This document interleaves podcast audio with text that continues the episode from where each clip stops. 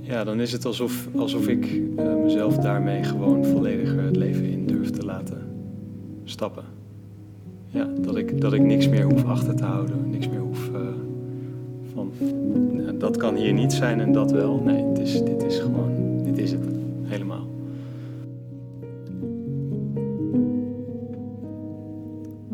terug. Wat leuk dat je weer luistert naar deel 2 van mijn gesprek met Raimundo Racing.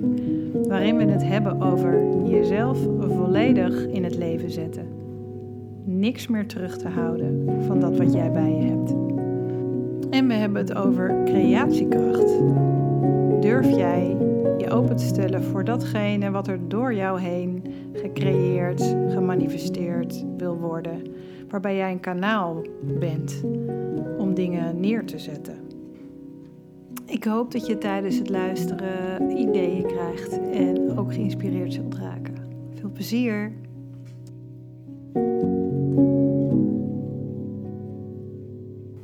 Hey, en waar ik benieuwd naar ben, uh, Mundo, ik zeg Mundo, maar volgens mij is het Re, moet ik Raymundo zeggen, of maakt dat je niet uit? Nou, ik ben, ik ben mijn, uh, mijn volle naam sinds een aantal maanden ja, dat uh, weer, gaan, weer gaan omarmen, voor het eerst gaan omarmen. Want ik heet Raimundo. Ja?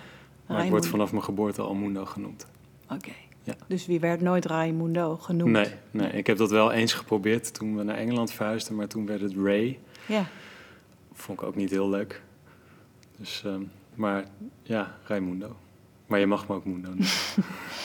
en doet dat iets voor je? Door de, de, je volledige geboortenaam te gebruiken? Ja, nou, het is Frank opnieuw, dezelfde Frank waar ja. ik het net op had, die, die, die, die, uh, die zei een paar maanden geleden tegen mij van, hey, die wist helemaal niet dat ik Raimundo heette. Dus zodra hij dat te horen kreeg, zei hij van, hé, hey, dat voelt eigenlijk veel uh, kloppender. En ik ben daar even mee gaan zitten en het voelt vollediger. Mm. Ja. Ja, dus het was, het was, het was ik, moest, ik moest er echt ook even me ertoe verhouden van, hé, hey, maar het voelt vollediger en het voelt ook wel wat ja. krijg je er dan bij? Of is dat de, de abstracte vraag? Uh, ja, nou, is, het is wel een hele terechte vraag. Nee, gewoon ja. benieuwd wat rij brengt dan. In aanvulling op Mundo. Nou ja, niet, het heeft minder denk ik met de naam te maken en meer dat, dat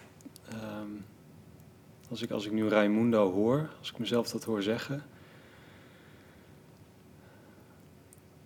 Ja, dan is het alsof, alsof ik uh, mezelf daarmee gewoon volledig het leven in durf te laten stappen. Ja, dat ik, dat ik niks meer hoef achter te houden, niks meer hoef uh, van dat kan hier niet zijn en dat wel. Nee, het is, dit is gewoon, dit is het, helemaal. Tof. Het doet mij wel meteen afvragen of Daan een afkorting is. Ja, zeker. Hm. Ja. Van? Danielle. Danielle. Zo ben ik geboren. Dus okay. ik vraag me nu natuurlijk tegelijkertijd af of dat een goed idee is. om me weer zo te gaan noemen. Ja, ik voel veel meer bij Daan. Dus voor mij was het juist om het los te laten. En te omarmen dat ik Daan heet. Dat dat voor mij veel meer klopt. Dat was ook een stap die veel vollediger voelde. Ben je ooit Danielle genoemd door je jawel, ouders? Jawel, ja. ja. Ik ben Ja. er in een familieopstelling erachter gekomen dat ik een van een tweeling ben. Hm. Dus dat ik als tweeling be- begonnen ben in de buik. En ik heb altijd het gevoel gehad dat ik een oudere broer had. Hm. Altijd. Sinds ik op de wereld ben. En dat heel vaak aan mijn ouders gevraagd. Maar nee, nee hoor, nee, nee. Totdat het toen... eh, toen viel er voor mij zo'n kwartje. En ook waarom ik Daan... En dat ik dacht, wow. Hmm. Die, dus die, die, die klank heeft daarin- heel veel... Ja, dat, dat, dat, dat betekent heel veel voor mij. Hmm. Alsof dat de volledigheid bevestigt voor mij. En dan zou je kunnen zeggen, ja, oké, maar misschien is dat mannelijke energie en moet je dat, moet je toch weer eh Daan Ielle, zeg maar. Dan, misschien is dat het geheel, dat weet ik nog niet. Maar voor mij was dat juist een eh, erkenning aan iets wat ik al heel lang diep voelde. Als ik jou hoor praten, dan. eh,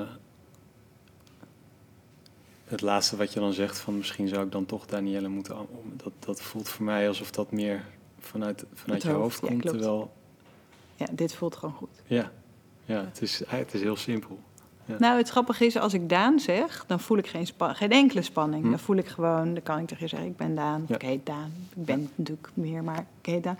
Terwijl als ik de, de Danielle, dan voel ik meteen een soort ongemak in mijn lijf. Hm. Een soort van iets geks. Ja. Dus is- nou ja, dat is wat ik volg. Heb je het je moeder verteld van die opstelling? Het is eh, vorig jaar gebeurd. Hm. En ik vraag me af wat het me brengt om het te delen met haar. Hm. Ik ben, daar twijfel ik nu over. En het zou kunnen dat er een moment komt in de tijd dat ik haar, dat ik voel dat ik het wel wil delen. Maar er, het voelt nu niet eh, als dat, ik, dat, ik, dat het mij iets gaat brengen om dat nu met haar te delen. Dat haar aandacht ook bij hele andere dingen is. Ja. En voor mij is het zoiets wezenlijks en het is zo in elkaar geklikt dat ik ook helemaal niet nodig heb om nog daar Mm. met haar over uit te wisselen. Mooi. Ik hoef de bevestiging niet of ik hoef niet Ja. iets. Niet, niet iets meer bij haar te halen. Ik hoef daar niks te halen. Ja. Ik heb dit altijd geweten. En het bijzondere is, want ik heb vaker opstellingen gedaan, dat er altijd een tweede deel bij mij kwam. En dat heb ik nooit gesnapt. dus altijd als ik voor iemand, als iemand mij was, dan zei hij, ja, ik mis iets. Of ik moet, er moet iets bij. Of er waren er weer twee mensen. En dan keek ik ernaar en dacht ik, nou, dan zei iemand natuurlijk, herken je dit? Dat een opsteller dan zo vraagt. Dan zei ik, ik heb geen idee. Ja, maar ik hoor bij jou, ik hoor bij jou was het dan al. Dan dacht ik, ik heb geen idee wat dit is. Nou, ja, totdat ik eraan toe was om het wel te Heeft het je, wat heeft het je gebracht, dit nu weten? Hmm. Heel veel. Het is eigenlijk, eh, ik denk dat ik me misschien bijna niet eens kan overbrengen. Een gevoel van eenzaamheid wat ik altijd heb gehad vanaf dat ik, ja, dus geboren ben. Hm. Wat ik niet kon plaatsen, omdat ik dacht, hoezo? Hoezo? En ik voel me met allerlei mensen heel verbonden. Dus wat, waar is dan eenzaam? Waar? En de beelden die ik heb gezien, ik heb hem gewoon gezien. Ik heb hem gevoeld. En ik, een soort enorme erkenning of zo van iets wat je altijd ergens voelt. En dan dat het een plek krijgt. Ja, ik, ik moet nu ook denken aan. ehm, zeg maar, zie je nou wel dat ik niet. eh, weet je, dat die, dat die gevoelens zijn er. Met een reden. Ja, dus het, het bevestigt je in iets wat je eigenlijk al je hele leven weet. Ja, en dat maar waar je heel... gewoon met je hoofd niet bij kon. En waar dus Nee. altijd vraagtekens bij zitten. Ja. Van, hé, wat is er dan mis met mij? Ja. Ja, die bevrijding herken ik wel. Ja, en ik denk dat er in ieder levensverhaal dit soort dingen zijn die ergens aan je knagen of je achtervolgen. Of ehm, ik heb heel veel mannenvriendschappen in mijn leven gehad en dat voelde altijd heel belangrijk. Hmm. Om, om, ik voelde me in de mannenwereld in eerste instantie meer thuis dan in de vrouwenwereld. Hmm. Vrouwen heel ingewikkeld. Eh, dus het was in een soort mega kwartje. Wat dan is in de retrospectief dat je in zoveel dingen van jezelf begrijpt. Ja. Eh, waardoor ik dus ook kan zeggen, ik hoef niet bij mijn moeder iets nu te halen daarover. Want ik, ik weet voor mezelf hoeveel klikjes dit heeft gegeven.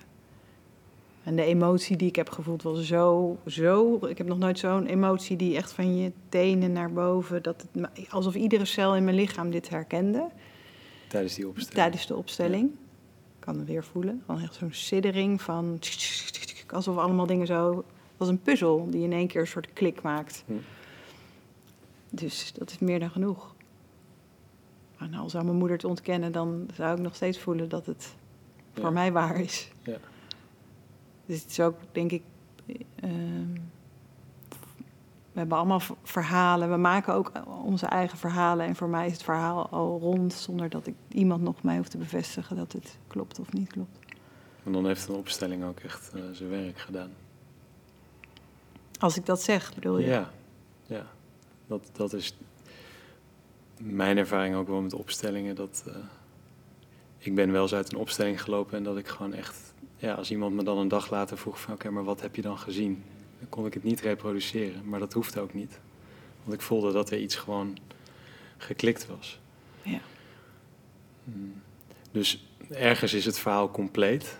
Maar op een ander vlak ben je juist helemaal uit een verhaal Ja, gekomen.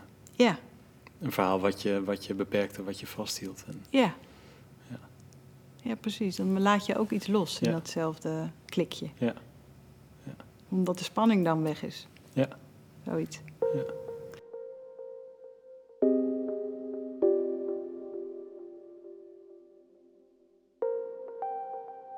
Ik ben benieuwd wat het luisteren naar dit verhaal met jou doet.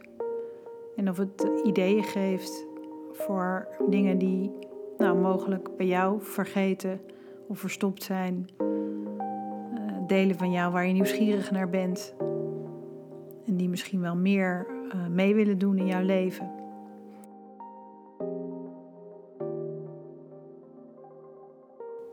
Als je je open gaat stellen voor datgene wat er door jou heen wil komen, um, aan creativiteit, aan ideeën, aan uh, nou ja, dingen die jou zoeken, ideeën die jou zoeken, uh, dan kunnen er best bijzondere dingen ontstaan als je je daarvoor openstelt. In deel 1 van ons gesprek vertelde Raimundo dat hij avonden organiseerde, die hij de ruimte in had genoemd, waarbij hij samenkwam met een groep mensen met een verhaal wat hij uh, had voorbereid um, over zijn thema, geld. Um, en hij vertelt wat er eigenlijk gebeurde, dat, dat, dat hij op een gegeven moment overgenomen leek te worden. Alsof het verhaal door hem heen kwam. En hoe magisch dat is. En tevens over dat hij dat zo bijzonder heeft gevonden en vervolgens dezelfde avond probeert te herhalen, uh, waarbij alles anders loopt. Wonderlijk. Luister maar. Maar grappig, want voordat je hier deze, voor mijn gevoel was dit nog steeds een afslag, een hartstikke leuke, interessante afslag. maar voordat we hier kwamen, toen zei je, oh ja, Raimundo is mijn volledige naam. En toen wou ik eigenlijk vragen naar dat gevoel van, um, uh, nou waar we het ervoor over hadden, dat je vanuit een andere laag, dat je, over, dat je overgenomen wordt. Dus dat je dan gaat volgen wat er gebeurt. En ik wou eigenlijk aan je vragen, herken je dat van zeg maar, belangrijke momenten, dat je dat bent gaan volgen? Dus dat je, zonder dat je nog wist. dus dat wat ik precies aan het volgen ja. was. Ja. Nou, ik wil natuurlijk niet invullen, want ik weet natuurlijk dat je vertrokken bent zonder geld. Ik, en ik, dat ik, ik zou nu het verhaaltje kunnen invullen met dat je, dat, je, dat, dat, dat zo'n moment is geweest. Maar misschien komt er een heel ander moment in jou ja. naar boven dan dat moment. Nou, ik, er, er, kwamen wat beelden bij me op, maar wat er vooral ook opkwam is. Um, um, ik vind dat nog steeds, dat is nog steeds zo'n ontdekkingstocht. En um, ik vind het wel leuk om, om iets te vertellen over. ik heb net wat verteld over toen die eerste avond en dat was echt magisch. Ik bedoel, dat was echt, die hele avond was dat. Want wij waren niet meer onze persoontjes. En er was gewoon. We waren, we, waren, we waren ook niet aan het ja-knikken en zo met elkaar. We waren niet in een soort van spiritueel carnaval met elkaar uh, terechtgekomen. Maar het was echt. Ik kon gewoon voelen: dit, dit, is, dit is wat leven is. Dit is wat er gebeurt wanneer we elkaar echt in die ruimte ontmoeten. Waarin wij niet meer weten wat we gaan zeggen, maar het gewoon laten komen. En dat en, maakte het magisch? Uh, dat, ja, dat, gaf, dat was echt. Dat was en ik, ik heb, nou ja, wat jij nu net ook zegt over, um, ik had dat één op één, had ik dat ook wel eerder ervaren, maar ik had dat, ik had dat nog nooit zo sterk in een groep ervaren. We waren volgens mij met z'n achttienen die avond. Um, ja, het was simpel. Het was zo simpel en helder en magisch. En het was op een gegeven moment, ik, en ik weet niet of dat waar is, maar, maar mijn gevoelsherinnering van die avond is dat we op een gegeven moment gewoon in een ruimte zaten, dat er, dat er ook gewoon niet zoveel gezegd meer werd, kon worden, maar dat we er ook nog niet uit wilden, omdat het gewoon, het was gewoon een hele intelligente ruimte eigenlijk. Hmm. En um, dat was dus de eerste van, van wat uh, die vriend van mij en ik, Tom, um, tot een maandelijkse avond wilden maken. De ruimte in. De ruimte in, ja. En, en met wie wilde? Gewoon een open avond of met dezelfde mensen? Uh, nee, steeds, uh, steeds konden andere mensen zich daarop intekenen. Dus het was een open uitnodiging. En, um, en we, wil, we, wilden ook steeds een ander uh, thema als insteek hebben. Um, maar wij voelden zoveel kracht bij die eerste avond. En ik, ik ging zo aan op dat thema dat we al besloten van nou, we gaan over twee maanden gaan we, gaan we dit thema weer doen. En wat ik toen gedaan heb, is dat ik. Uh, en ik voelde in de aanloop naar die avond, voelde ik, er was van alles wat niet stroomde. En um, ik had weer die presentatie. En ik zag mezelf weer voor de groep zitten, voor een groep. En ik zag mezelf weer dat verhaal vertellen en ik zag weer die magische avond. Nou, dat werd het dus helemaal niet. Dus je wilde hem herhalen? Ik wilde hem herhalen, ik ging het kopiëren. En ik voelde enorm veel weerstand daarbij en ik ben het toch gaan doen. Hm. En um, de avond was voor sommige mensen bijzonder en waardevol, maar het was ook een avond waarin er gewoon heel veel weerstand en op een gegeven moment discussies ontstonden. Uh, er waren ook mensen van die eerste, die eerste keer, die waren er ook bij. En ik zag hun op een gegeven moment ook een beetje bedrukt kijken. Er waren veel meer mensen dan tijdens die eerste avond. Um, dus het was voor mij ik, een hele waardevolle ervaring. Ik vond het echt na afloop fantastisch. Ik heb me daar echt als een klein kind gewoon gevoeld van wat... En, en dat haperen, dat ken ik. Ik heb dat elf jaar, twaalf jaar geleden ook meegemaakt. Dat ik gewoon heel lang op een bepaalde... Uh, ja, in een bepaalde um, swoon dingen deed. En dat ging allemaal goed en ik oogste waardering. En, dan, en op een gegeven moment werkte dat gewoon niet meer. En dan is er een weten van dit is hem gewoon niet. Maar dan het patroon gaat toch gewoon nog even door. En ja. dat, dat, is, dat is best een, uh, ja, een vervelend veld om in te zitten of zo. Maar, ja. Um, dus ik, ik, ik, ik heb het, ja, met, en, ik, en wat ik net zei, het is nog steeds een ontdekkingsreis, maar echt wel met vallen en opstaan geleerd en ben ik aan het leren om mezelf meer in die vrije ruimte te laten. En ik heb nu anderhalf jaar geleden een, een, een avond op uitnodiging um, voor 80 mensen uh, gedaan. Um, waarin ik, ja, ik, geen haar op mijn hoofd had er nog aan dacht om iets voor te bereiden. Hmm. Of te weten waar ik zou beginnen. Door deze ervaring? Nou, ik denk de combinatie van ervaringen. Dus, dus bijvoorbeeld die, die, die uh, we hebben uiteindelijk iets van tien, tien maanden lang de ruimte ingedaan. Um, ja, we hebben echt alle hoeken van de kamer gezien van, van wat je daarin tegen kunt komen. We hebben ook in andere, andere bijeenkomsten nog dat. We hebben ook echt moeten leren om de ruimte te, te hoeden en te faciliteren. Hm. Uh, dus dat, dat, dat zo'n ruimte creëren niet betekent dat, dat je alles van jezelf opzij zet. Maar dat is ook weer gewoon die leiding. Die geeft vanzelf aan wanneer het tijd is om, om het kader weer even neer te zetten. Of, of in te grijpen als iemand gewoon maar doorgaat op een bepaald iets wat, wat de hele energie zo naar beneden haalt, dan, dan heb je wel als facilitator gewoon te gaan staan. Ja. Te zorgen voor de, de space, de, de, de, de, voorwaarden of hoe je het zou noemen. Maar. Ja. Maar ook daarin heb ik ook geleerd en ben ik ook nog steeds aan het leren. Dat is niet iets wat ik hoef te doen. Ik hoef alleen maar gewoon, ik voel het, het komt op. En het enige wat ik moet doen is dat ik mijn ikje niet in de weg ga zetten. Je ikje niet in de weg zetten. Ja. Zodat? Zodat het gewoon vrijelijk en spontaan en in het moment en um, authentiek gewoon zo hup de ruimte in kan komen.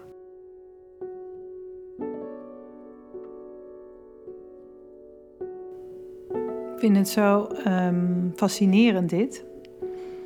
Voor mijn gevoel is het volgen van je intuïtie ook zo verbonden met het vertrouwen ja, op, een, op een wetend veld, of hoe je dat wil zeggen wat altijd beschikbaar is voor ons. En ook veel groter is dan wat Mundo ook ja, je eigen ikje noemt.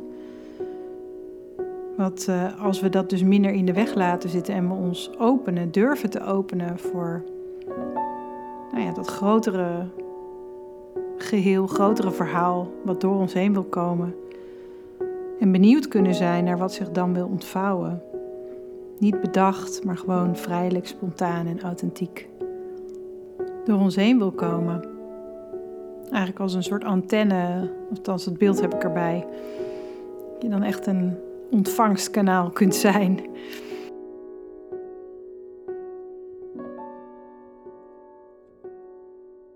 Het komt nu ook bij me op. Ik geloof ook wel dat we ehm, hoe, hoe, normaler het voor ons wordt om op die manier bij elkaar te komen, hoe minder we een onderscheid gaan maken tussen de facilitator en de niet-facilitator. Want het is iets wat door iedereen ja. op bepaalde momenten zo omhoog kan komen. Dus je doet het eigenlijk met z'n allen? Ja. ja. Fascinerend.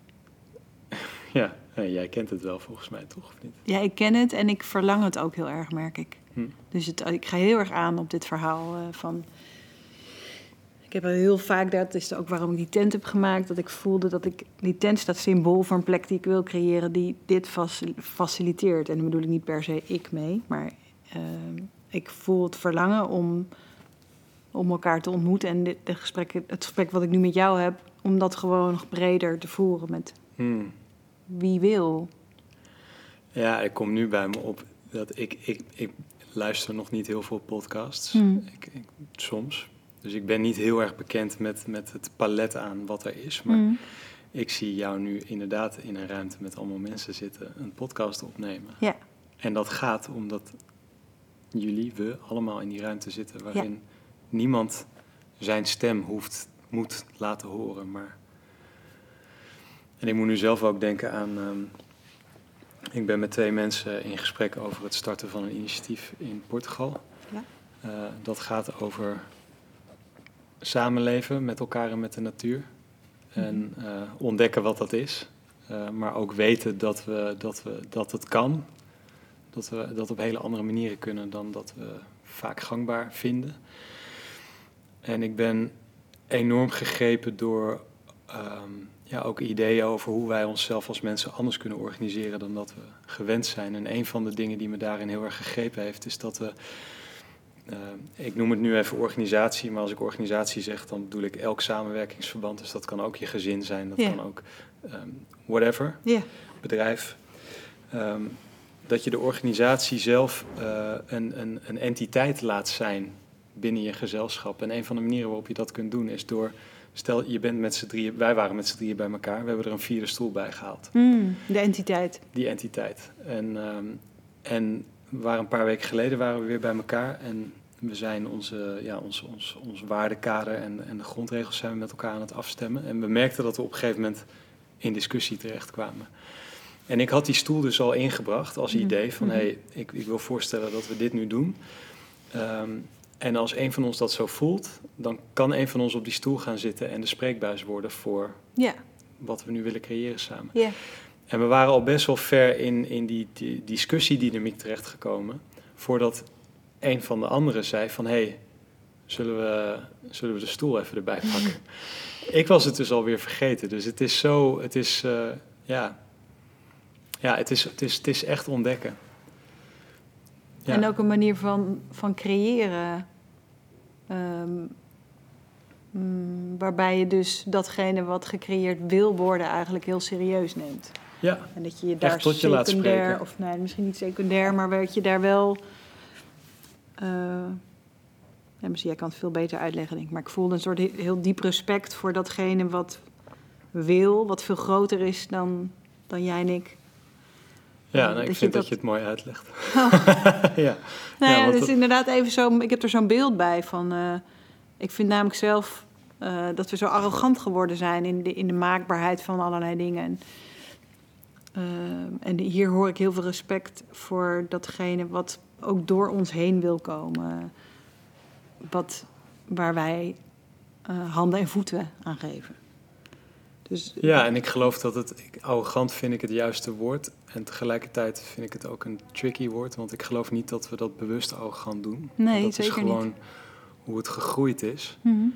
En ik vind de metafoor van eh, de ouder-kindrelatie ook een hele mooie.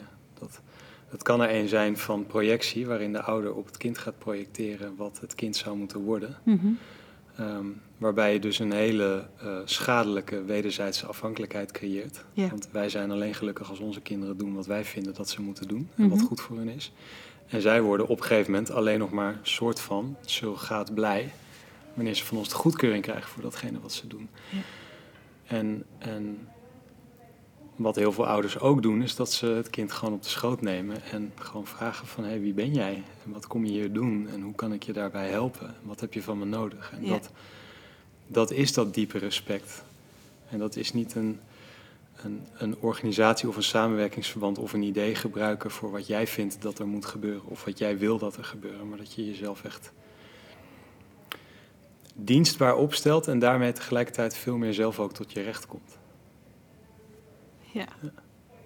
Zonder dat je jezelf daarmee weggumt. Of ik vind dit dus ook wel. Er zit ook een bepaald spanningsveld in. Nou, Waarin- ik denk dat dat de angst is die er, die er ook in kan zitten. Is oké, dan, dan, dan word ik dus een speelbal van. Maar ik geloof dat als het echt klopt. ehm, het kan niet zo zijn dat iets wat werkelijk wensende is, dat dat nadelig is voor een van de betrokken spelers. Of spelers waar het een impact op heeft. Mhm.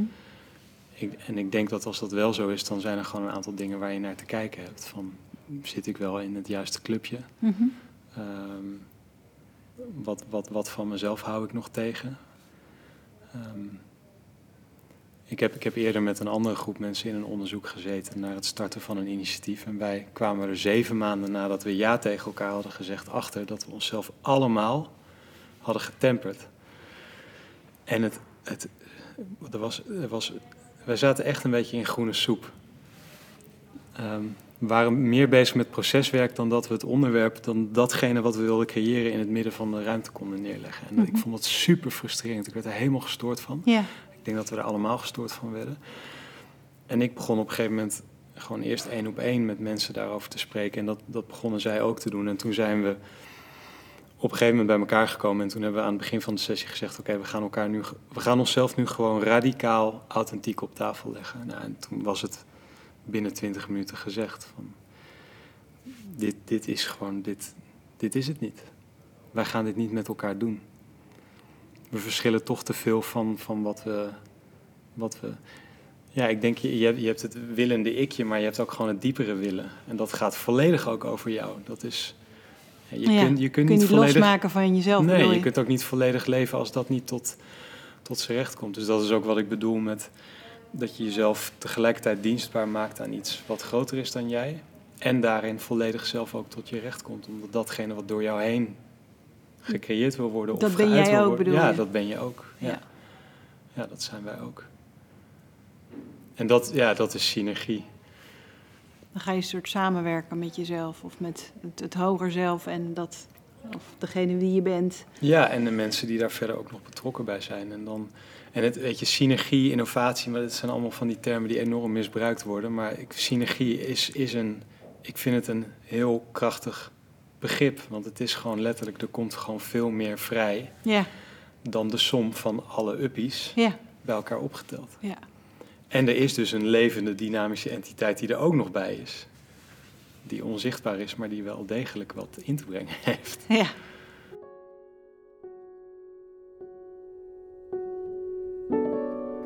De vraag die bij me opkomt is: wat zou er gebeuren als we ruimte zouden maken, regelmatig, voor datgene wat er inderdaad door ons heen wil komen?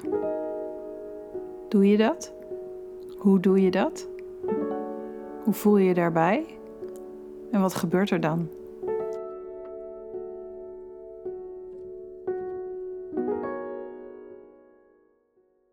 Over radicale eerlijkheid, dat ik dacht. eh, nou, als we dat nu zouden besluiten.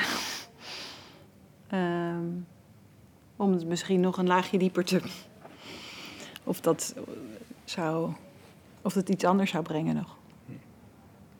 En is er al een antwoord gekomen? Ehm, nou, voor mezelf wel, als ik naar je luister. eh, ehm, ja, laat ik heel eerlijk zijn. Ik kan, ehm, ja, dat is heel eerlijk. Nou, waarom er zoveel gebeurt, is dat ik ook een bepaald verdriet kan voelen als we over dit soort dingen praten. En dat is iets wat ik al veel langer voel. Nou, dat, ik, ik gun het mezelf, ik gun het de wereld, ik gun het mensen om me heen om veel meer op deze manier te leven. Dus de, de, hoe jij het beschrijft en hoe je met initiatieven start en die terugkoppeling zo heel eerlijk naar jezelf van oh, dit werkt blijkbaar niet en dan bijsturen. En dat, ja, dat voelt zo respectvol naar jezelf, naar een idee, naar een entiteit zoals je het noemt.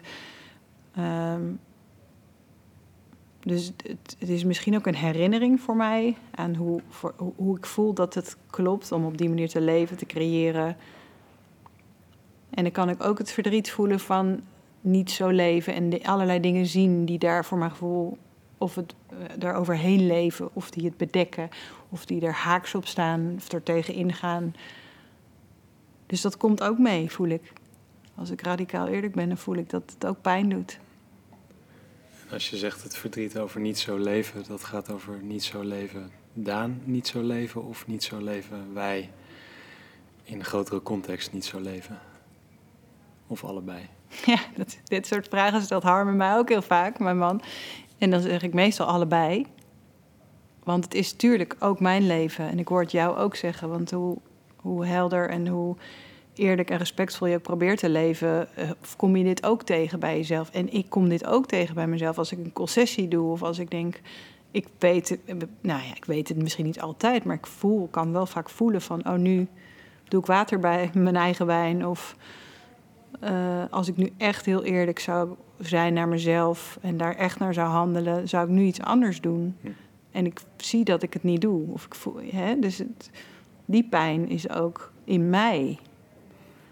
En um, nou, daar kan ik een oordeel over hebben. Of, uh, ik probeer er steeds zachter voor te zijn. In de zin van, ik heb een menselijke ervaring en ik doe wat ik kan. En uh, hmm, nou, op die manier liefdevol. Naar, ook naar de momenten dat ik misschien wat meer wegkijk.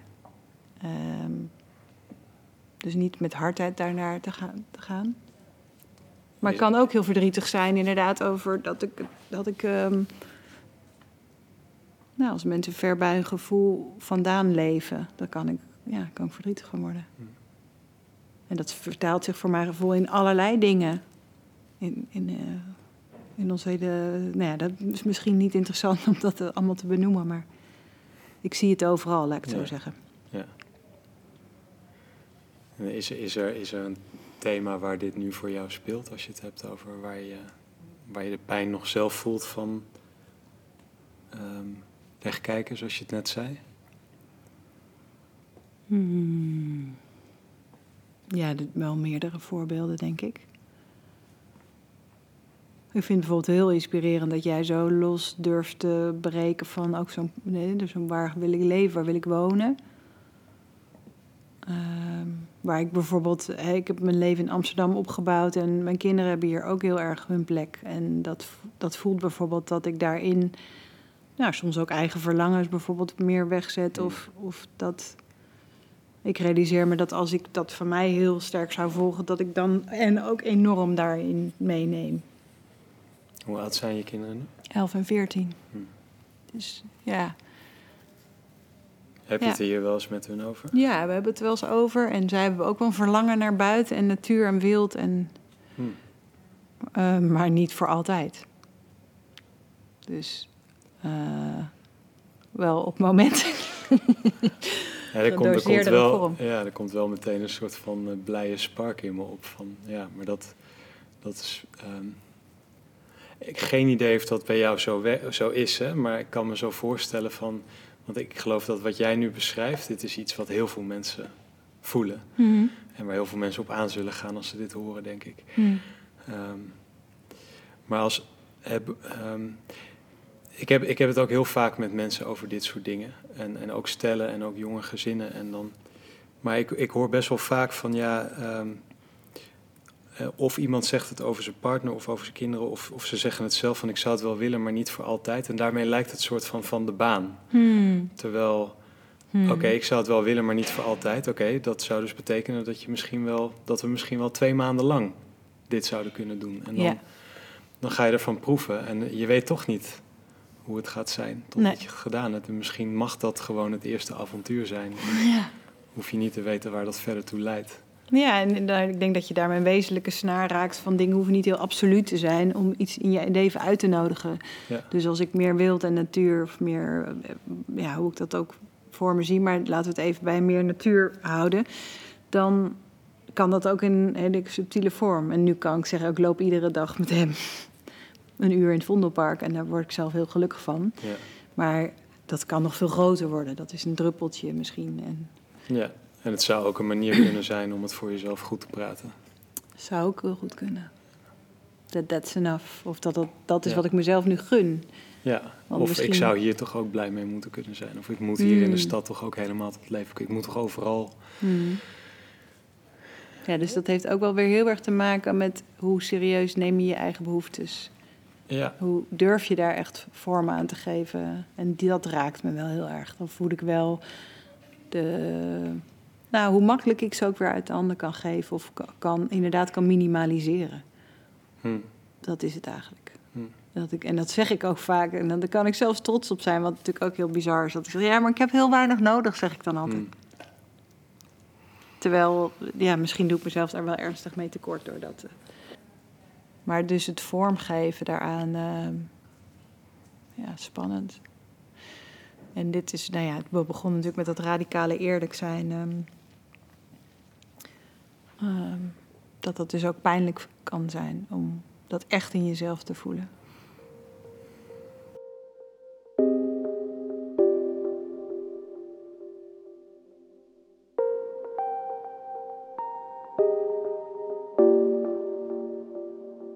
Dit is toch weer waar het iedere keer begint. Het eerlijke, echte gesprek met jezelf. En te luisteren naar datgene diep van binnen. Wat je misschien geneigd bent om weg te stoppen of aan voorbij te gaan. Of in mijn geval kleiner te maken dan nodig.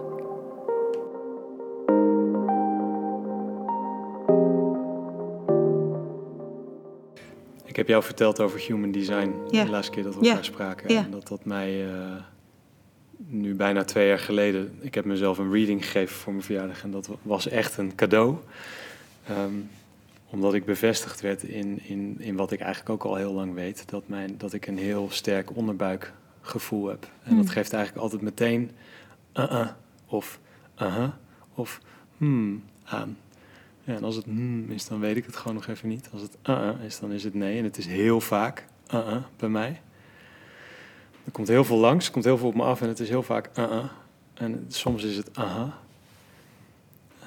En, dus AA is nee en Ja. aha is, is ja. is ja. En Ja. die zegt, die, je hebt heel veel eh, nee, en je hebt soms aha. Ja. ja, en als ik dat echt eer, dan. ehm, eh, dat is zo lekker.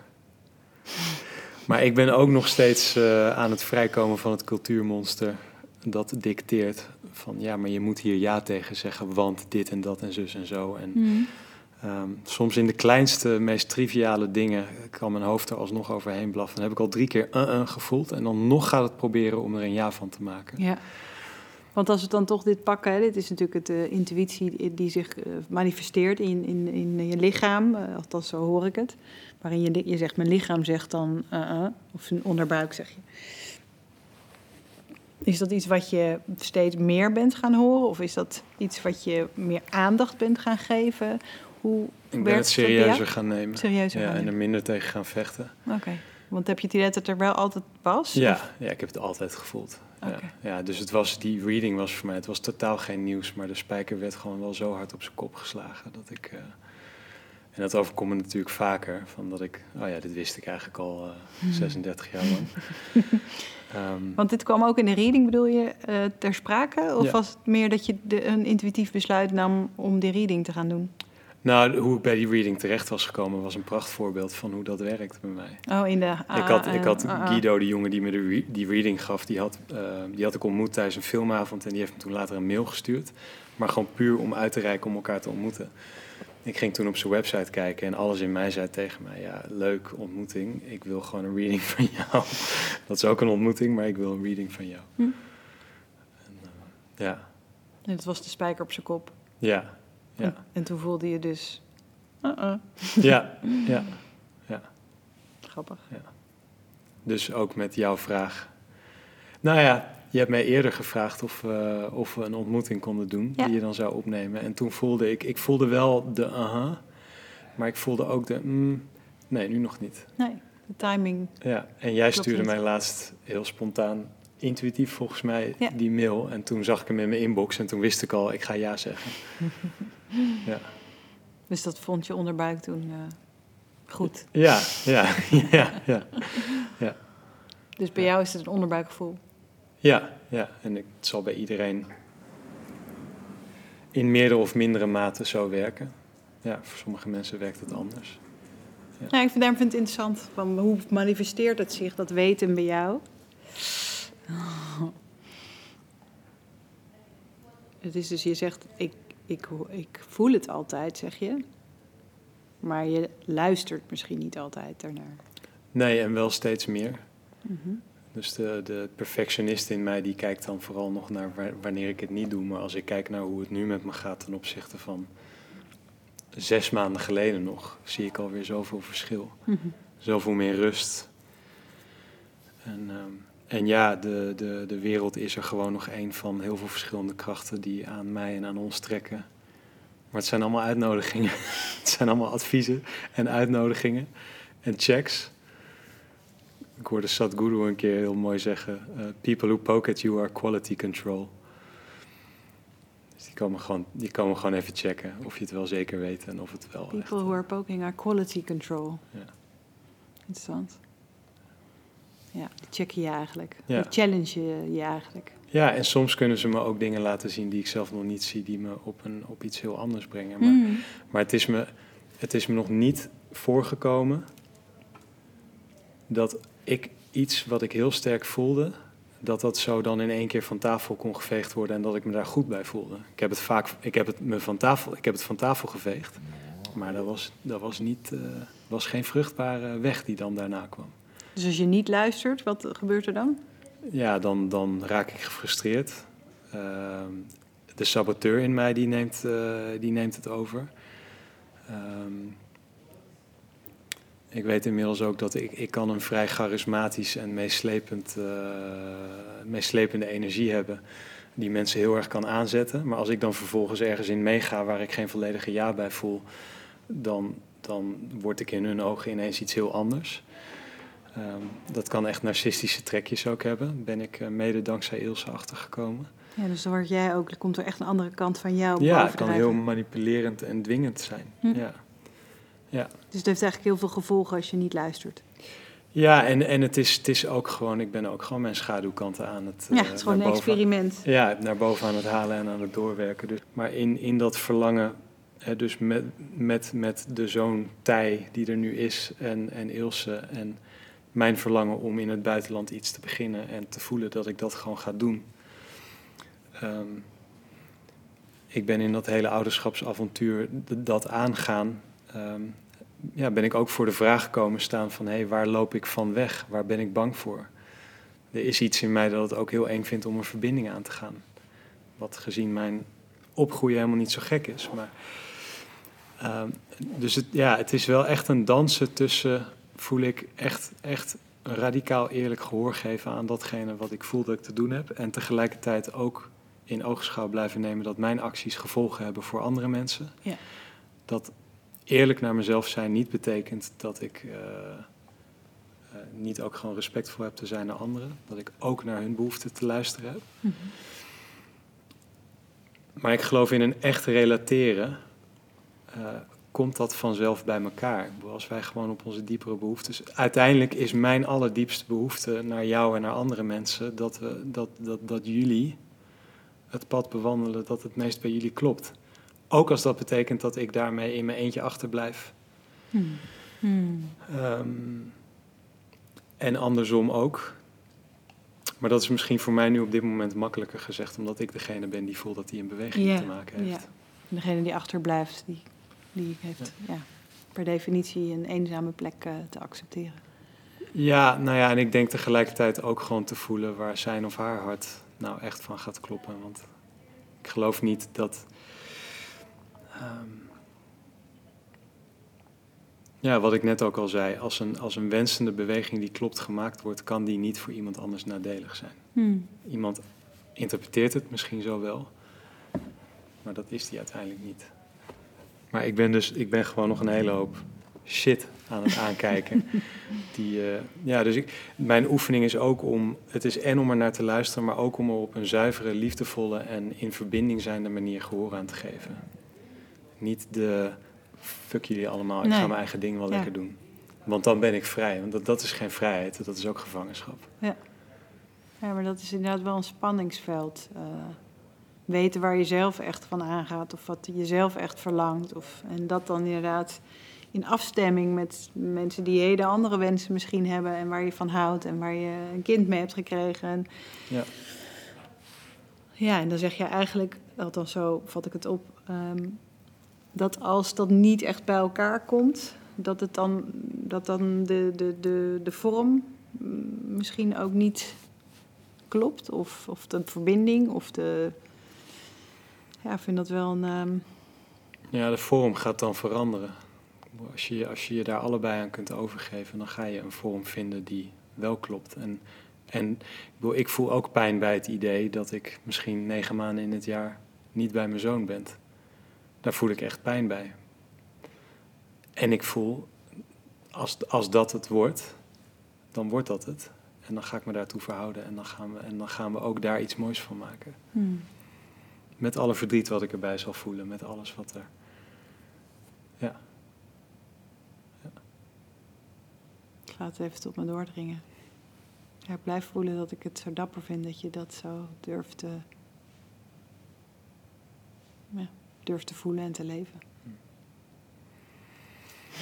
Hm. hm. Dankjewel. Hm. Voor je radicale eerlijkheid. Nou ja, insgelijks. Je hebt jezelf ook echt op tafel gelegd. Hmm. En ik vond het echt heel tof je te ontmoeten. Ja, dat is helemaal wederzijds. Hm. Het, uh, ja. Ik vind dat we heel uh, intuïtief op hele wezenlijke dingen gekomen zijn. Hmm. Die super waardevol voelen. Hmm. Die we niet, allebei niet bedacht hadden. Precies, ja. Tof. Dankjewel dat je bij ons was en weer geluisterd hebt naar deze podcast Intuit. Ik hoop heel erg dat het jou weer stof tot nadenken en vooral voelen heeft gegeven. Ik vind dat heel leuk om te horen waar dit gesprek jou raakt, toe inspireert of welke ideeën het heeft gegeven. Als je me dat wil laten weten, kan dat op daanvanhegelsom.nl. En verder wil ik nog laten weten dat Raimundo een boek heeft geschreven.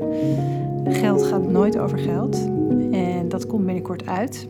Als je het leuk vindt om daar alvast iets over te lezen of op de hoogte gehouden te worden middels zijn zeer inspirerende nieuwsbrieven, eh, dan kun je je opgeven op geldgaatnooitovergeld.org dag dag.